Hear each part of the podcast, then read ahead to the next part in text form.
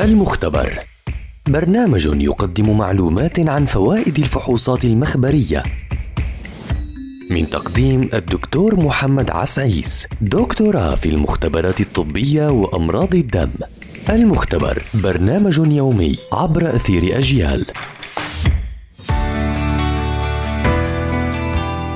أهلا وسهلا بمستمعي ومستمعات أجيال عبر منصاتها المختلفة. فحوصات الروماتيزم يتم تعريف الروماتيزم على أنه مرض مناعي مزمن حيث يقوم جهاز المناعة بإنتاج أجسام مضادة تقوم بمهاجمة أنسجة الجسم السليمة وأهمها المفاصل والأربطة والأوتار والجلد وغيرها من الأعضاء.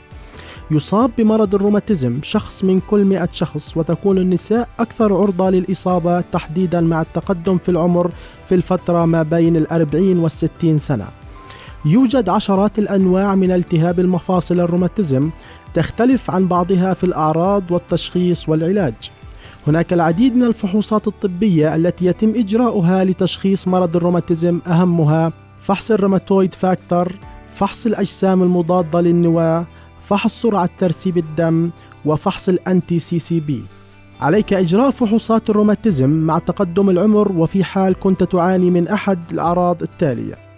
أولا الشعور بألم في مفصل أو أكثر صعوبة في حركة بعض المفاصل تغير في شكل المفصل تضخم أو تورم وإحمرار في بعض المفاصل الشعور بضعف وألم مزمن في المفاصل والعضلات التعب العام التصلب وفقدان القدرة على القيام بالأنشطة البدنية بشكل طبيعي فقر دم وغيرها من الأعراض. الوضع الطبيعي لمؤشرات الروماتيزم في الجسم هو عدم وجود الأجسام المضادة في الدم. يتم إجراء فحوصات الروماتيزم عن طريق سحب عينة دم ويتم إصدار النتائج خلال ساعتين.